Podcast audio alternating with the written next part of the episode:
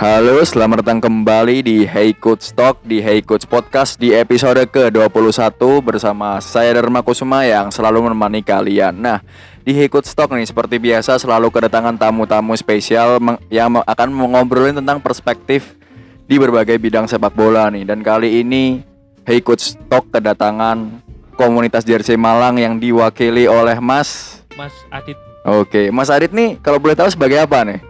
Saya sebagai anggota tim Hore aja. Anggota Timore ya. Iya, jadi jadi ini Mas Adit sebagai anggota walaupun kalau mungkin para pendengar Hikuts Podcast atau Hikuts Stock ini nggak bakal tahu kalau sebenarnya di sini rame ya Mas ya. Rame banget. Ini sekitar 30 orang. Karena kita lagi bertepatan juga saat gathering ya ini. Iya, saat catering. Heeh. Nah, kalau boleh tahu nih Mas, eh, KJM atau Komu- Komunitas Jersey Malang ya mesti katanya. Iya, iya. Iya. Nah, itu media sosialnya apa tuh Mas kalau boleh tahu? Komunitas underscore jersey kon underscore Malang. Oke, komunitas underscore Jersey underscore Malang. Iya, Nah, iya, iya. Kalau boleh tahu nih mas, itu komunitas underscore jersey underscore Malang nih bisa di follow di Instagram. Di Instagram bisa atau di Facebook namanya komunitas jersey Malang aja. Oke, itu bagi kalau para pendengar nih yang pengen gabung anggota, apakah ada persyaratannya atau gimana tuh mas? Eh, dari kami sih nggak ada persyaratan khusus ya. Hmm. Yang penting itu eh, punya jersey. Oh iya, Kan punya komunitas Ah, jersey. iya, Nah, jadi untuk kami itu setiap kegiatan Hmm. ya nggak jauh-jauh dari jersey lah. iya. Jadi oke. untuk anggota resmi dan sebagainya itu kayaknya nggak ada. Kita Oh mengalir nggak ada. aja. Oh, oh jadi kalaupun nggak ada seperti kan biasanya kalau di fans club pun ada kayak periodenya tuh untuk. Ada, ya. Heeh. Nah itu pas kalau di komunitas jersey sendiri nggak ada tuh. nggak ada. Jadi, Jadi- mungkin untuk periode pergantian-pergantian gitu Heeh. itu nggak ada. Oh nggak ada, jadi bebas aja ya langsung Bebas masuk. aja lah. Nah. Tapi sebelum itu tuh Mas, kalau boleh tahu kalau dari Mas Adit sendiri nih, kira-kira ini kan tentunya kalau komunitas Jersey sendiri kan mencintai sepak bola juga tentunya. Iya, iya. Nah, tapi kalau dari Mas Adit sendiri nih, kalau boleh tahu, klub favorit sepak bolanya itu apa sih? Dan juga masih ingat nggak pertandingan pertamanya dulu itu? Hmm, dari jersey ya. Enggak, eh, mungkin ke sepak bola dulu Oh, nih Mas. bola dulu. Yang pertama itu ya biasalah anak-anak kecil itu Hmm. warisan klub orang tua. Oh iya, apa tuh kalau Manchester United. Waduh, Manchester United ya. Eh, supporter terbanyak se-Asia. ya. Iya, iya, nah, itu kalau boleh tahu apakah masih ingat tuh Mas? Pertandingan pertamanya waktu itu apa tuh? Malah pertandingan pertama itu saya nggak nonton Manchester United, Oh, malah apa tuh? malah Piala Dunia 2002. Oh, 2002. Ter- Jadi Hmm. pertama kali saya nonton pertandingan yang benar-benar full Hmm. 1 sampai 90 menit Iya. itu Jerman lawan Arab Saudi. Oh Jerman lawan- fase grup ya waktu itu ya? Fase grup Ah. 1 Iya oh oh iya. Jadi malah waktu itu Jerman. Tapi apakah waktu itu ada kok bisa eh, langsung ke Manchester United itu dari orang tua jadi pure dari orang tua. Pure dari orang Ah. tua. Saya kan juga nggak tahu Heeh. klub-klub mana pun. Jadi yang ikut ayah aja. Anggota ayah ya. Iya. Nah tapi kalau dari Jerman lawan Arab Saudi itu, terus yang dilihat waktu itu pemain siapa tuh yang paling diingat waktu itu? Yang paling dia ingat itu Dietmar Hamann. Oh Haman. Nah. Pemainnya Liverpool. Liverpool malahan. Malah- Malah pemainnya Liverpool rivalnya itu. Heeh, malah. Nah tapi kalau pemain MU sendiri, apakah waktu itu ada favorit tersendiri ya? Ada yang Hmm. pertama itu Scholes itu. Soalnya Paul Scholes ya. hmm, dari SD Hmm, saya punya jersey MU. Iya. Pertama itu ya yang tahunya Scholes soalnya Scholes, dia ah. dari jersinya itu Iya. aja. Oke, jadi apakah itu pemain sepanjang masa nih? Kalau Paul Scholes sendiri, pemain favorit Pemain Mas Adit favorit sepanjang masa? ya nggak begitu sih. Enggak begitu ya malahannya. nah, kalau saat ini pemain favoritnya siapa nih kalau dari MU? Kalau dari MU sekarang itu Maguire kayaknya. Oh, Maguire ya, Soalnya dari Maguire itu banyak kan blunder sih. Malah difavoritkan ya ini. Biar termotivasi. biar Hmm, oh iya. nah, itu menyambung soal jersey Paul Scholes. Apakah masih ingat tuh waktu itu bentuknya gimana? Yang yang mana tuh? Yang tahun berapa kah? Yang tahun 2003. 2003. Oh, yang Vodafone ya? Vodafone Heeh. 2003. Itu Yang ada hitamnya itu ya? Iya, iya. Heeh. Nah, itu yang paling saya ingat itu Hmm. jersey pertama kali klub ya. Ya, jersey pertama kali klub dan akhirnya hal tersebut yang membuat mencintai untuk mengoleksi jersey ya, Mas ya. mengoleksi jersey Heeh. itu kalau nggak salah saya kelas 2 kalau nggak kelas 3 SD. Oh, jadi da- dari sejak SD sudah menyukai jersey. Iya. Jadi orang tua saya itu kenapa kok suka beliin saya jersey? Yang Iya. pertama itu nyucinya gampang. Oh iya. Nah, kan tinggal dikucek aja. Iya iya iya gampang. Heeh, kan. bener Ya, bener bener. itu. Jadi- Malah kalau disetrika rusak biasanya. Nah, gitu kan jadi anak kecil kan main pulang kotor main pulang kotor jadi akhirnya wis belikan jersey Iya, iya. sampai sekarang itu Iya. Oke, jadi alasannya sebenarnya lebih ke gampang perawatannya ya. iya perawatannya aja Oke, dan hal itu yang membuat Mas Adit akhirnya bergabung ke KJM Malang. Nah, kalau Iya. gabung ke KJM Malang sendiri, Mas Adit itu tahun berapa tuh kalau boleh tahu? saya itu termasuk eh, gelombang yang pertama di Oh, tahun gelombang pertama. 2014 Hmm, jadi awal kali pertama kali berdiri tahun 2014 juga. 2014 Mm-mm. Insya Allah itu tanggal antara 15 sampai 19 Mei 2014 Hmm. Oh ya. Iya, saya masih sekolah itu. Oke. Sekarang udah bapak-bapak. iya, jadi sejak dulu ya ternyata Iya, sudah dulu. sekitar mungkin hampir tujuh tahun ya Mas. ya? Hampir tujuh tahun. Iya. Alhamdulillah. Nah, waktu itu kalau boleh tahu juga nih, awal mula berdirinya KJM Malang itu dari manakah? Terinspirasi dari manakah? Apakah dari ini? Eh, Ucup Bajai Bajuri itu kan suka Oh iya, iya benar benar benar. Tahun-tahun itu kan. Oh, tahun-tahun itu juga. Jadi eh, Gimana tuh dari ceritanya? cerita apa namanya teman-teman di Facebook itu Mhm. kan banyak seller-seller jual beli Facebook, Oke. jual beli jersey maksudnya. Jual beli jersey. Jual beli jersey di Facebook itu kan banyak sekali. Jadi Hmm. teman-teman yang seller-seller di Malang Mhm. itu kok di kebanyakan kota kan ada, Iya. terutama Bandung ya, itu Mhm. kan kiblat kita lah kasarannya Oh. untuk jersey. Oh, jadi Bandung tuh malah banyak tuh ini Hmm, komunitas jersey-nya. eh, komunitas banyak, Hmm. mulai dari jersey Persib sendiri kasarannya. Kalau iya. kita dari KJM kan jersey global ya, jadi semuanya mencakup semuanya. Oh iya Kalau di sana Heeh. itu mungkin ada jersey MU, jersey sendiri. Oh, jadi komunitasnya Bandung malah sendiri, sendiri-sendiri. Malah sendiri-sendiri, Oh, nggak jadi iya. satu Heeh, gitu. iya. Jadi di Malang kan tahun 2014 kan belum ada. Hmm. Kenapa nggak kita buat aja Oke, gitu? Hitung-hitung kita juga saling silaturahmi antar seller. Oh iya benar-benar. benar. benar. Ya, makanya itu akhirnya udahlah kita kopdar waktu itu kalau nggak salah futsal. Oh, futsal. Hmm, kita futsal mulai orangnya masih 7 sampai 8 orang, kita sampai kekurangan-kekurangan orang Ha. dan alhamdulillah sampai sekarang alhamdulillah sudah besar lah. Oke, kalau seka- untuk sekarang anggota aktifnya tuh berapa tuh Mas kalau boleh tahu? Anggota aktifnya sekitar 30, Oh 30-an ya? 28-an. Heeh. Dan itu kadang bisa lebih ya kalau ada eh, apa kegiatan-kegiatan gitu ya? Alhamdulillah ada mungkin Hmm. misal football gitu. Iya. heeh. Sampai 60 50. Oh iya iya iya. Nah kalau boleh tahu tuh waktu itu yang berinisiatif mendirikan tuh siapa Mas? Kalau apakah Mas Adi tahu waktu itu? Ada itu namanya Pak Tato Iya. biasanya. heeh. Itu beliaunya itu juga termasuk apa ya sesepuh lah di Kota Malang Kota ini Malang. untuk jersey. Oh iya iya. Saya kan juga waktu itu masih sekolah. Ah, Nah, masih oh, bawang lah. iya. Itu akhirnya diajak, diajak, diajak, diajak.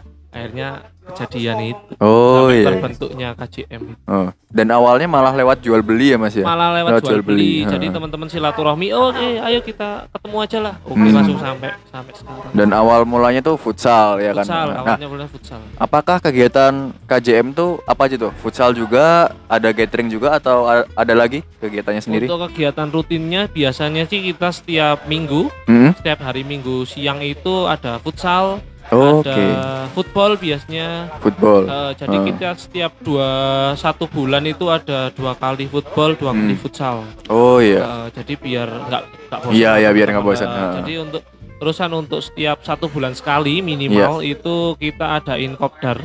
Kopdar. Jadi eh, kita ngobrol tentang apa saja terkait eh, satu bulan ke depan dulu. Oke. Kita mungkin ada event, ada apa. Oh, gitu. jadi ngobrolin event ya? Event Ngobrolin yang akan event, datang event, sebulan. Heeh. Kalau mungkin ada, kan biasanya ada teman-teman yang undangan dari sini, undangan dari sini. Oh, iya, kita ah. buat. Oh iya. Nah, kalau misalkan lagi kegiatan tuh, apakah bolehkah orang luar untuk ikut misalnya futsal gitu atau fut- waktu sepak bola, football gitu? Boleh, boleh, Heeh. boleh. Bebas sih kalau di KJM itu soalnya Hmm. dari kami kan yang penting, yang terpenting fun ya. Iya, fun. nggak- jadi nggak usah kayak Kaku gitu. nggak usah kaku, jadi luas aja lah. Gitu. Iya iya iya. Nah jadi kalau bagi para pendengar ikut podcast nih, kalau yang pengen datang untuk ikut futsal, ikut sepak bola, atau bahkan join member itu lewat kegiatan itu bisa ya mas ya? Bisa lewat Heeh. kegiatan itu kalau nggak gitu kan ada PCI dari apa namanya Instagram sendiri Iya. itu langsung menghubungi di situ aja. Oh jadi eh, kegiatan-kegiatan tersebut nih bisa diakses di Instagram tadi ya mas bisa ya? diakses di Instagram Oke. melalui DM juga bisa nanti Heeh. kita juga ada jadwal-jadwalnya juga setiap satu bulan sekali untuk kegiatan-kegiatan yang disebutkan tadi ada futsal, kopdar. Apakah di masa-masa pandemi ini nih sempat terdampakkah waktu itu? Oh, terdampak banget. kita sampai pernah ditegur sama Oh ditegur. Iya, sama pihak pemerintah lah. Heeh. istilahnya. Kita sebut pihak pemerintah itu kita sampai ditegur gara-garanya itu kita terlalu memaksakan mungkin ya.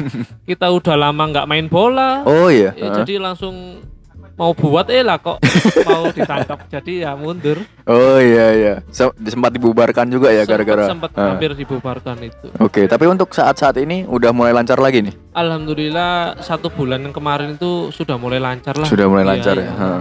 Jadi kegiatan-kegiatan sendiri udah mulai berjalan lancar ya. Alhamdulillah. Apakah harus butuh izin tuh untuk kegiatan kita tentang pandemi itu? Los.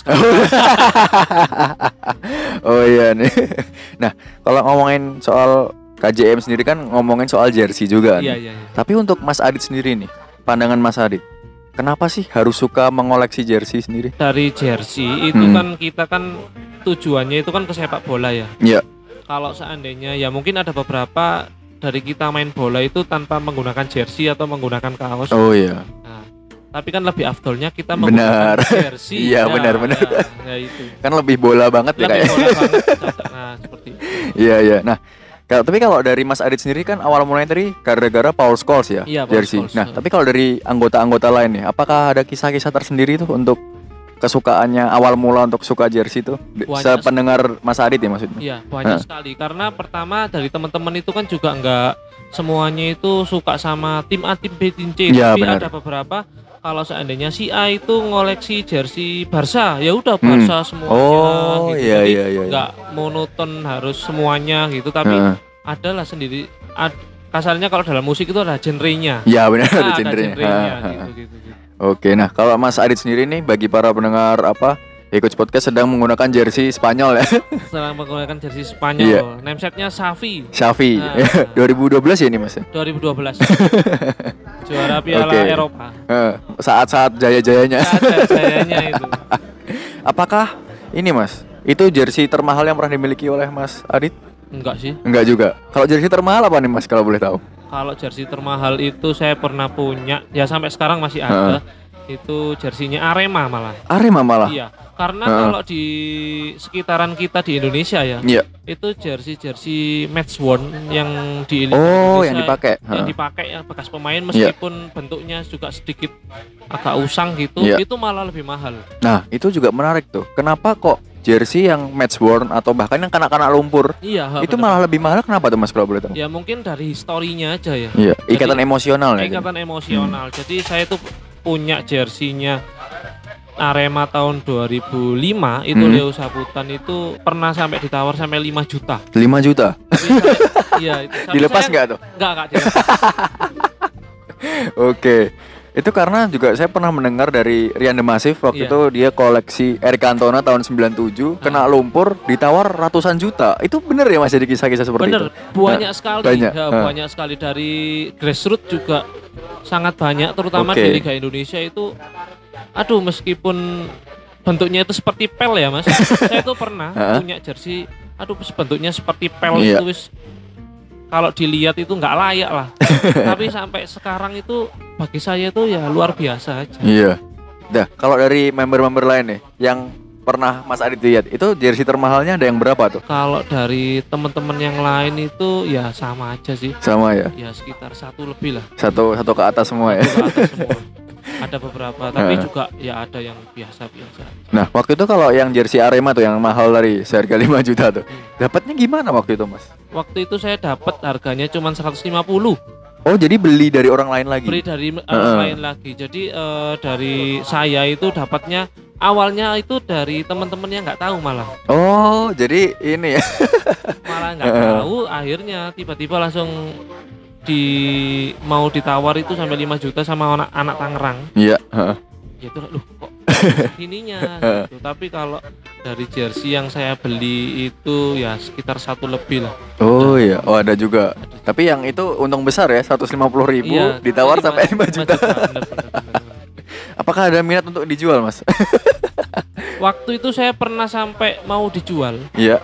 soalnya tuntutan keluarga tapi Iya. sampai sekarang alhamdulillah masih di rumah. loh. Iya, akhirnya terselamatkan ya. Terselamatkan, terselamatkan. iya.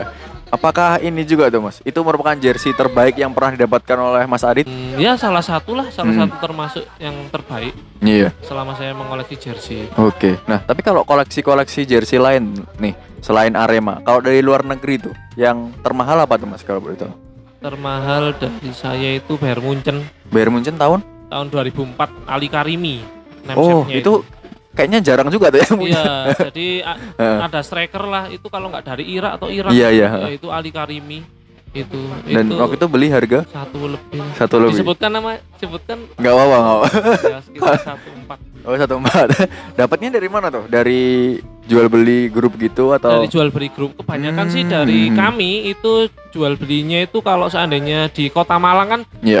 mulek di situ aja. Iya, iya, da- di dari KJM KJM juga, dari Kadang-kadang yang paling lucu itu gini. Heeh.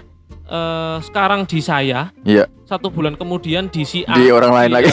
dan si B, yes, pokoknya Iya, jersey itu muter muter, aja. aja. gitu. Oh jadi KJM juga nih ini ya apa untuk jual beli juga bisa ya? Banyak, eh, Nah. malah kebanyakan kita memfasilitasi teman-teman yang Hmm. jual beli itu. Oke. Nah kalau tadi kan bisa melipatkan keuntungan ganda tuh. Mhm. Jadi apakah alasan untuk mengoleksi jersey ini salah satunya sebagai investasi kah? Apakah bisa itu mas? Awalnya saya itu nggak nggak mikir sampai situ. Nggak mikir sampai Sampai situ. Soalnya ya saya suka aja, suka Iya, koleksi jersey dan sebagainya. Mulai kecil saya kan suka eh, pakai jersey. Iya benar. laun lamban laun lamban dengan keberadaan keluarga nah, jadi kok kepepet lah Iya. akhirnya jual beli Bisa dijual dan kok untung juga ya. Hahaha. kalau biasanya dari anak-anak jersey itu namanya kolektol Oh koleksi dodol. ya koleksi total benar-benar benar.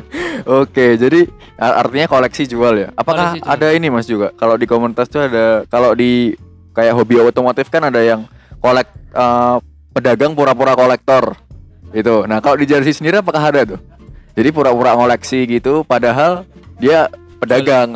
oh banyak banyak banyak Oh, dari, iya. dari KJM sendiri kan juga eh, berangkatnya kan dari teman-teman yang jualan Jualan benar. Hmm, jadi kita nggak ada apa ya batasan untuk teman-teman nggak cuman koleksi aja Hmm. tapi jualan juga nggak apa-apa soalnya Oke. kita membentuk komunitas ini kan juga untuk memfasilitasi Iya, teman-teman benar. yang eh, mencari nafkahnya dari jersey Iya. Dan ini juga kalau bagi anggota yang tidak be- de- berkecimpung di dunia jersey pun sebagai sampingan ya Mas ya untuk jual-jualan gitu. iya jadi mungkin nggak punya uang ya, langsung disalurkan Iya, aja. Nah, kalau yang pernah Mas Adit jual tuh, itu apa tuh yang paling cuan lah istilahnya? paling cuan itu ya Arema juga Arema lagi. Arema apa itu lagi. yang tahun berapa tuh? kiper latihan kalau nggak salah Oh, kiper itu. latihan Eh, malahan. kiper training born Ya, jadi Iya. training bornnya itu Dipakai bekas? Bekasnya Sila Sohe Oh, Sila Sohe. Ya, ya. tahun 2005 kalau nggak 2004 2005 2004. ya Heeh. itu Oh, sampai sekarang apakah sempat melihat tuh? Di Facebook Heeh. dan sebagainya Iya. saya pernah lihat dua kali Dua kali ya. malah yang saya itu nggak tahu malah istri Heeh. saya yang tahu Oh, ini kok jersimu kok di Kayak sini?" jersey Lah, Mas Adit. iya oh saya Iya, oh iya. lah ya udah kalau nggak salah sekarang itu mas di Jawa Barat kalau nggak salah oh Jawa Barat. Iya. Oh, bisa dipantau ya Mas Yan ya? Iya, jadi eh, persaingan dalam kota kutip persaingan ya. Jadi kita itu punya beberapa teman-teman yang dari KJM itu ingin mengamankan jersey-jersey bersejarah dari Heeh. Arema itu Iya. ingin kembali ke Malang lagi Oh, jadi dicariin ya. dicari. Jadi Heeh. kita punya ya sekedar misi dan visi. Iya, iya, iya, iya. Jersinya Konate ya kasarannya. Iya, itu kan sekarang Konate. lagi di Bandung. Iya. Heeh. Ingin memulangkan Oh, jersinya. heeh. Kalau ngomongin soal itu tuh Mas, artinya kan agak sentimental tuh. Apakah jersey dan eh, pecintanya atau kolektornya ini gara-gara ikatan yang emosional secara pribadi tuh biasanya? Yang contohnya maksudnya? Yang yang contohnya yang tadi Arema kan eh, Oh, anak-anak Malang pengennya pulangin Oh, tuh. iya, Jadi iya, apakah dalam komunitas ini pun untuk untuk mengoleksi jersey itu membutuhkan ikatan emosional juga ya jadi? Enggak begitu sih mas. Ya, Tapi iya. ya ada ya kita kembalikan ke anggota masing-masing aja. Iya. ya. Jadi kalau ada beberapa teman-teman itu yang suka seandainya Arema ya udah mungkin Arema aja. Oke. Gitu. Mungkin dari segi emosional dia Hmm. itu ya sangat suka sama So, Arema. iya. iya sih. Jadi ini ya apa namanya soal dunia jersey ini dan marketnya pun ini ya sebenarnya cukup panjang apa cukup luas ya Mas ya marketnya. Cukup luas Ah. alhamdulillah. Jadi mungkin dari kota ke kota itu ada lah. Iya. Teman-teman kalau seandainya main ke kota A, kota Ah. B itu pasti ada yang Selalu ada ditemui. ya. Heeh. Pasti ada yang ditemui. Entah itu si A, si B atau dari Iya. komunitas lain. Begitupun juga dari komunitas lainnya Heeh. di luar kota. Iya. Kalau seandainya ada salah satu anggotanya yang datang ke Malang, Heeh. pasti pertama kali yang dihubungi ya teman-teman Oh iya iya. jersey. Heeh. ini temanku mau ke Malang nitip Heeh. bentar gitu. Lah kita ajak jalan-jalan sebagainya Nah, Kalau waktu itu tuh, kalau lihat komunitas lain yang datang atau pas KJM Mas datang ke Hmm. kota lain, pernah nggak lihat ini jersey? Wah, ini jersey kayaknya rare banget nih. Pernah nggak Mas itu? godaan-godaan gitu Ya, makanya itu. Apa tuh yang paling yang menurut Mas Adit, wah ini rare dan termahal nih yang pernah dilihat itu apa tuh Mas? Kalau boleh tahu. saya pernah itu lihat jersinya Jerman Jerman, tahun 2002 2002 pas Iya. Piala Dunia. pas Piala Dunia Heeh. itu Dietmar Hamann itu Oh, yang pertama kali Heeh. saya lihat itu itu jersey 2002 pakai jersey warna hitam hitam Warna hitam. abu-abu Heeh. itu saya kan punyanya kan yang waktu kecil Ya, Nah, heeh. kalau sekarang kan saya nggak punya. Nggak ada. Lah, ya itu. Saya kok kepingin. apakah pernah sempat kayak misalnya awalnya gathering dengan komunitas lain terus malah jadi beli Banyak banget.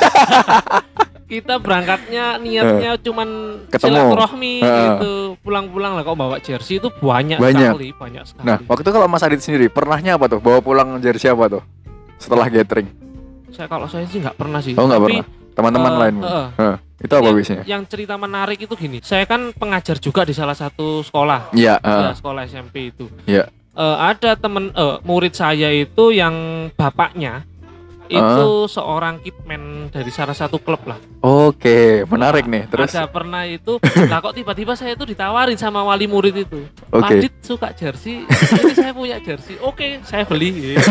oh malah pas sekolah ya pas di Pas sekolah sekolah waktu itu malah. Soalnya ya mungkin info dari anaknya mungkin ya. iya iya Guru saya suka jersey. Heeh. Akhirnya saya ditawari, saya Heeh. beli akhirnya. oke nah Jersey-nya kalau boleh itu tahu muter aja sampai sekarang. oke kalau boleh tahu waktu itu jersinya apa tuh Errol Iba PSPS. oh PSPS PSPS Heeh. Pekanbaru itu. oke tahun Kalau tahunnya saya nggak tahu, Oh, soalnya iya. saya nggak begitu PSPS nggak begitu.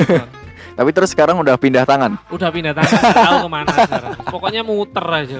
Iya jadi malah ini ya kayak nggak sengaja nggak sengaja Iya, nggak sengaja. niatnya apa terus malah bawa pulang Bawa gitu. pulang itu banyak sekali teman-teman itu yang Hmm. itu yang disebut kalau dalam dunia jersey itu begal jersey. Mega jersey Biasanya ada tukang becak gitu, Heeh. pakai jersey itu. Iya. Kebanyakan kan ada beberapa tukang becak itu yang dikasih jersey cuma-cuma. iya yang dulu. iya dulu dulu Nah, ya itu langsung kita ambil. oh kayak gitu pernah tuh mas Kayak- Pernah banyak wah sekali. ini ini agak random nih kalau dan Iya. lucu juga nih itu banyak sekali. Itu saya pernah sampai pernah ditolak ditolak sama tukang beca kayak tukang gitu gitu becaknya itu. Itu kalau nggak salah jersey No Alamsa tahun 2011 Sepul, eh, sebelas. Itu saya pernah saya kasih uang. Hmm, itu juga orangnya bener-bener nggak mau. Mungkin ada historinya ya. Iya mungkin. Iya mungkin dikasih alam secara langsung dan sebagainya. Itu sampai saya bener-bener saya kasih uang lebih lah buat tukang becak itu sampai nggak mau. Kalau ini juga nih kalau soal meng- apa ngasih uang lebih nih. Kira-kira nih kalau mas mas Adit sendiri jersey ngoleksi jersey itu semengero menguras uang apa sih kalau di kantong mas Adit nih kalau saya sih tergantung izin istri ya. Saya kembalikan lagi ke Eh. penguasa rumah tangga lebih baik minta izin apa minta maaf nih kalau mas Adit lebih baik kalau saya pribadi Eh, lebih baik saya minta maaf jadi saya pura-pura nggak tahu aja Eh. tiba-tiba kan biasanya saya beli Heeh. itu ya saya sering sih apa ya sembunyi-sembunyi gitu Iya, semuanya. saya taruh di jok kalau nggak gitu saya taruh di kantor Oh. Nah, jadi Kira-kira berapa tuh yang di kantor? ya adalah beberapa Iya. saya diamkan dulu itu sekitar satu bulan kalau Oh. suasananya di rumah itu udah Heeh. mulai kondusif Baru dibawa baru pulang. dibawa pulang. Oke, jadi itu ya, mungkin trik-trik dari eh, kolektor jersey bisa seperti itu ya, Mas. Iya, iya, iya. Oke, nah kalau ngomongin soal jersey-jersey koleksi nih, Mas. Kira-kira nih, menurut Mas Arit nih, range jersey yang kolek collectible itu berapa sih kira-kira?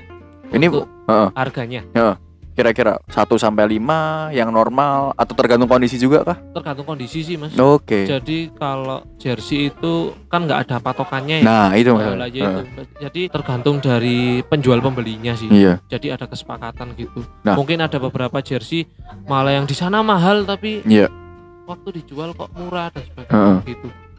Kalau soal itu juga nih, menurut Mas Adit, kenapa eh, range harga da- di market jersey collectible nih kok sangat gelap nih kenapa nih? Ya nggak tahu mas ya, mungkin hukum alam. Karena juga tergantung kondisi ya mungkin. ya. Tergantung Dan kondisi juga juga. historisnya juga. Historisnya juga Hmm. yang paling penting kalau seandainya jersey match worn itu historisnya aja. Iya, kalau match worn. Dan juga tanda tangan juga. Tanda tangan tuh apakah lebih mahal? Membuat lebih mahal? Tergantung, Tergantung juga. tergantung tanda tangannya siapa dulu.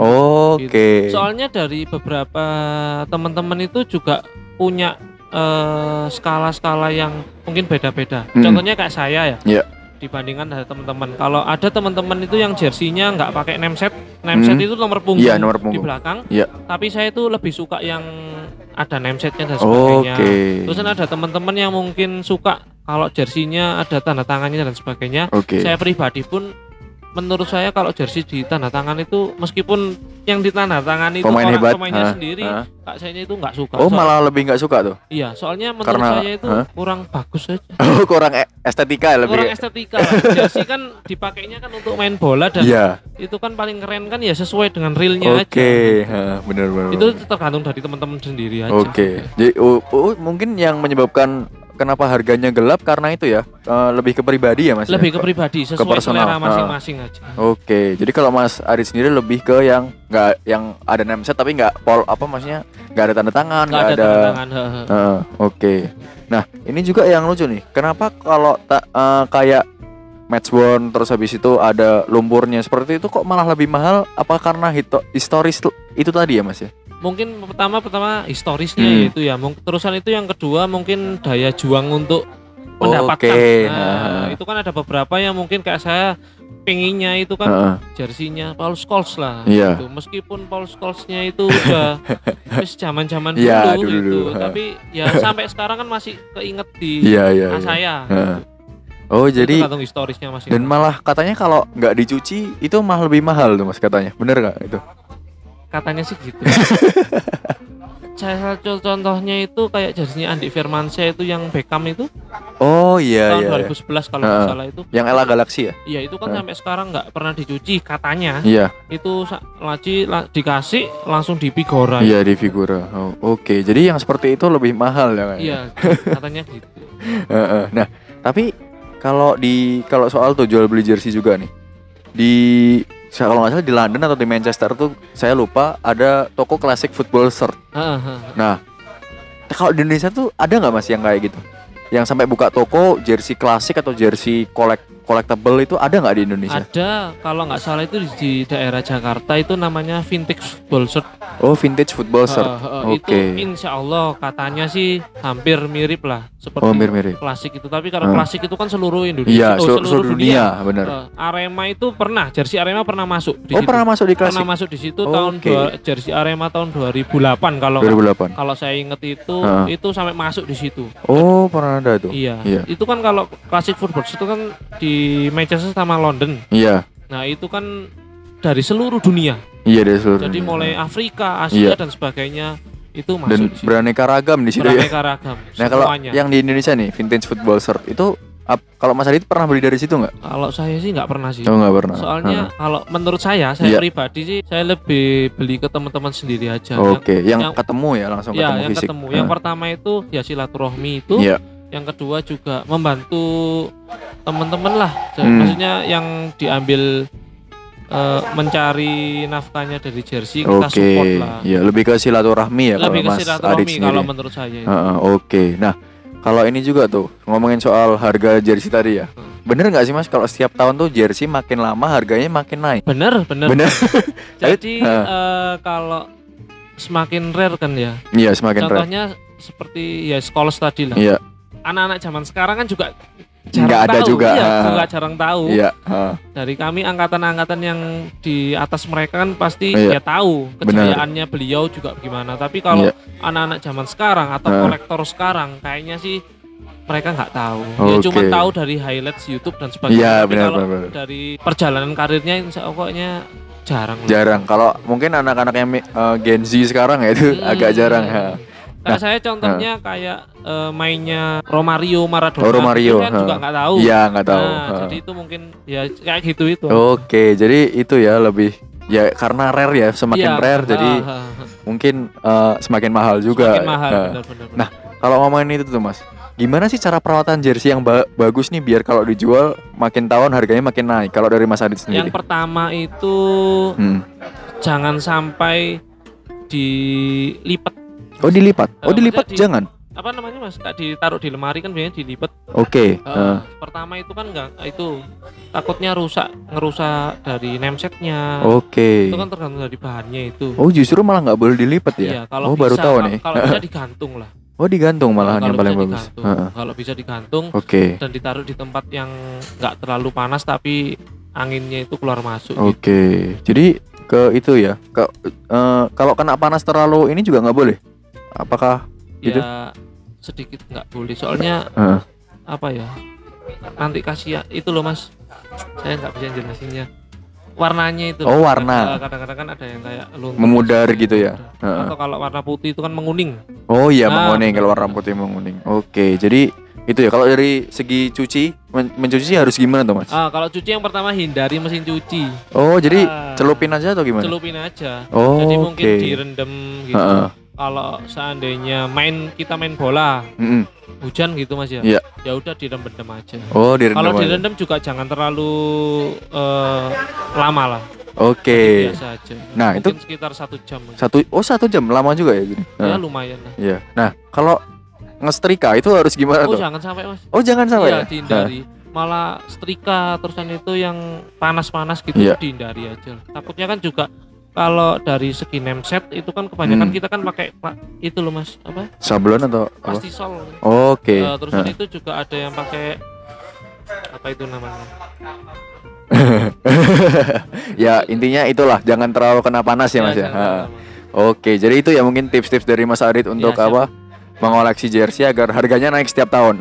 insya Allah Bismillah Heeh, Tapi tergantung kondisinya juga tergantung kondisi dan juga apa tingkat rare-nya ya. tingkat Heeh, rare-nya juga heeh, itu sih. Oke, jadi kalau dari Mas Adit sendiri apakah ada tambahan nih? Eh, oh, mungkin ini juga apa untuk diingatkan sekali lagi bagi para pendengar Coach Podcast nih kalau pengen kepo-kepo nih sama KJM Malang bisa di follow di mana Mas? di Instagram di komunitas underscore jersey underscore Malang atau Iya. kalau nggak gitu di Facebook Di Facebook. di komunitas jersey Malang kalau Oke. nggak setiap minggunya Heeh. kita ada kegiatan rutin di FIFA Iya. FIFA Futsal Soekarno Hatta Oke, kalau Nah, Soekarno Hatta Malang ya. ya Soekarno. Hatta Malang jam 2 siang sampai jam 4 sore Oke, oh di situ ya jadi. di situ kita Heeh. biasanya gitu. Oke, jadi bagi para pendengar Hey Coach Podcast yang suka sekali ngoleksi jersey bisa gabung di Instagram tadi dan juga Facebook tadi ya Mas ya. Oke. Oke, jadi kalau dari Mas Adit nggak ada tambahan nih? Eh, yang pertama terima Iya. kasih buat Oke. Hai Coach Podcast Iya, yang benar. telah memfasilitasi kita Iya, heeh. sebagai media menyebarkan informasi Iya. lah. ya saya kita juga terima kasih Mas kalau dari Mas Adit eh, mewakili KJM Malang saya terima kasih kepada KJM Malang ya. Siap, siap. Padahal juga orangnya di sini juga. Orangnya di sini juga.